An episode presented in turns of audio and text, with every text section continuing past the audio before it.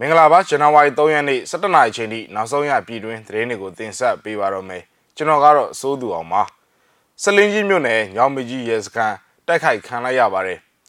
ဝက်လက်မှာ PDF ကတော်လိုင်းဆင်နွှဲရင်းဒေသခံတွေအတွက်စပားရိတ်သိမ်းပေးခဲ့ပါတယ်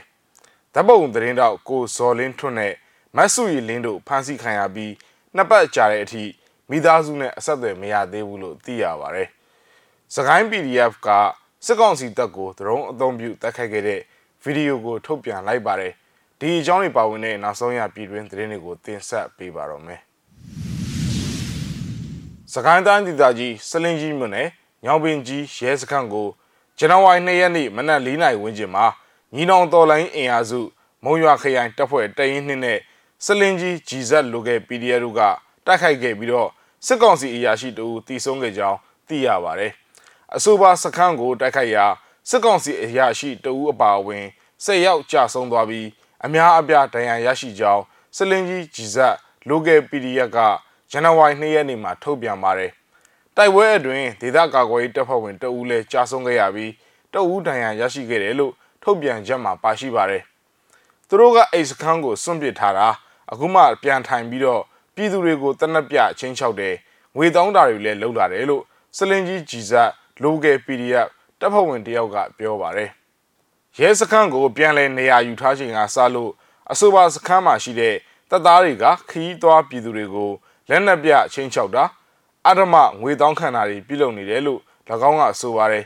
တိုက်ပွဲဖြစ်ပွားပြီးတဲ့နောက်အနီးနားမှာရှိတဲ့ရွာတွေဖြစ်ကြတဲ့ရွာရှိထန်းတော်အင်ချောင်းတိန်တော်အစရှိတဲ့ရွာတွေကဒေသခံတွေတင်းရှောင်နေရကြောင်းလည်းပြောပါတယ်စလင်ကြီးဂျီဇက်လိုကယ် PDF ဟာ ယမနေ့ဒီဇင်ဘာ9ရက်နေ့ကလည်းစစ်ကောင်စီနဲ့ချိတ်ဆက်လုပ်ကိုင်နေတဲ့တစ်မောင်ခိုဆက်လီတစီကိုတစ်တွေနဲ့အတူဖမ်းဆီးခဲ့ပါသေးတယ်ဝက်လက်မြို့နယ်မှာတော့အကြမ်းဖက်စစ်ကောင်စီရဲ့လေကြောင်းတိုက်ခိုက်မှုတွေကြောင့်လေယာလုပ်ငန်းလုပ်ကင်ဖို့စိုးရိမ်ထိတ်လန့်နေတဲ့တောင်သူတွေကို PDF ရဲဘော်တွေကဇန်နဝါရီ2ရက်နေ့မှာစပားကူညီရေးသိမ်းပေးခဲ့ပါတယ်။စကိုင်းခရိုင်ပြည်သူ့ကာကွယ်ရေးတပ် PDF တပ်ရင်း1ဗိုလ်ဇက်လိုက်အဖွဲ့က ဝက်လက်မြို့နယ်အတွင်းမှာရှိတဲ့တောင်သူတွေကိုစပားကူညီရေးသိမ်းပေးတာတွေဆောင်ရွက်ခဲ့ကြောင်းသိရပါတယ်။စကိုင်းနဲ့ဝက်လက်နယ်နိမိတ်ထိစပ်နေတာကြောင့်စကိုင်း PDF တွေကတောင်သူတွေကိုကူညီခဲ့တာလို့ဆိုပါတယ်။ဝက်လက်မြို့နယ်မှာ2022ခုနှစ်ဇန်နဝါရီ1ရက်နေ့ညနေပိုင်းကဒေသကာကွယ်ရေးတပ်ဖွဲ့တွေနဲ့စစ်ကောင်စီတို့တိုက်ပွဲဖြစ်ပွားရာစစ်ကောင်စီဘက်ကညနေ6နာရီလောက်မှာ MI35 ရဟတ်ယာဉ်နှစ်စီးနဲ့လာရောက်ပစ်ခတ်တိုက်ခိုက်မှုတွေလှုပ်ဆောင်ခဲ့ပါတယ်။ စကိုင်းဝက်လက်မြင်းမှုအရာတော်မြို့နယ်တွေမှာစစ်တပ်နဲ့ပြူစောထီတွေရဲ့စစ်ကြောင်းထိုးခြင်းတွေမိရှို့ဖျက်ဆီးမှုတွေကြောင့်ဒေသခံတောင်သူတွေရေသိမ်းကြီးရောက်ရှိနေပေမဲ့လည်းလေယာလုပ်ငန်းဆောင်ရွက်ဖို့အခက်အခဲများစွာကြုံတွေ့နေရတာပါအလုတန်းဓပုံသတင်းတော့ကိုဇော်လင်းထုတ်ခေါ်ဖိုးသားနဲ့ရန်ကုန်အခြေစိုက်တက္ကသိုလ်ကျောင်းသားများတမကကမတ်စုရီလင်းခေါ်လင်းလင်းတို့ကို စစ်ကောင်စီတပ်တွေကဖမ်းဆီးသွားပြီးတဲ့နောက်15ရက်ကြာတဲ့အထိမိသားစုနဲ့အဆက်အသွယ်မရရှိသေးကြောင်းသိရပါတယ်။သူတို့နှစ်ဦးဖမ်းဆီးခံရတဲ့နေ့မှာ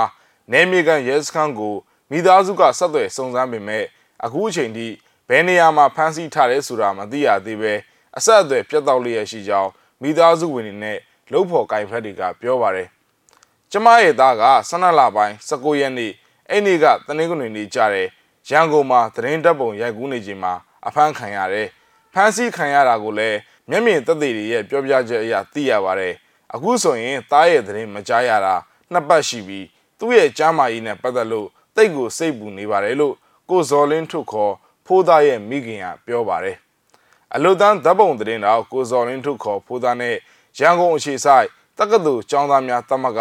မတ်စုရီလင်းခေါ်လင်းလင်းတို့နှစ်ယောက်ဟာ ရန်ကုန်ဆန္ဒပြပွဲသို့အသွားလမ်းမှာဖမ်းဆီးခံရတာလို့သိရပါတယ်။သူတို့နှုတ်ရဲ့မိသားစုဝင်တွေကအရေးပေါ်အစီအမံတွေပြုလုပ်နိုင်ဖို့နိုင်ငံတကာကြက်ချင်ဒီအဖွဲ့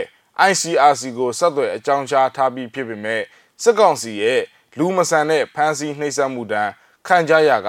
ကြားမရေးဆောင်ရှောက်မှုတွေမရမှာကိုလည်းမိသားစုဝင်တွေကအလွန်အမင်းစိုးရိမ်နေကြပါတယ်ခင်ဗျစကိုင်းတိုင်းဒေသကြီးအတွင်းမှာရှိတဲ့ ပြည်သူ့ကာကွယ်ရေးပူးပေါင်းတပ်ဖွဲ့ကဒရုန်းအသုံးပြုပြီးတော့စစ်ကောင်စီတပ်နဲ့အဆောက်အအုံတွေကိုလေကြောင်းကနေဘုံကျဲတက်ခိုက်မှုပါရှိတဲ့ဗီဒီယိုမှတ်တမ်းတစ်ခုကိုထုတ်ပြန်လိုက်ပါတယ်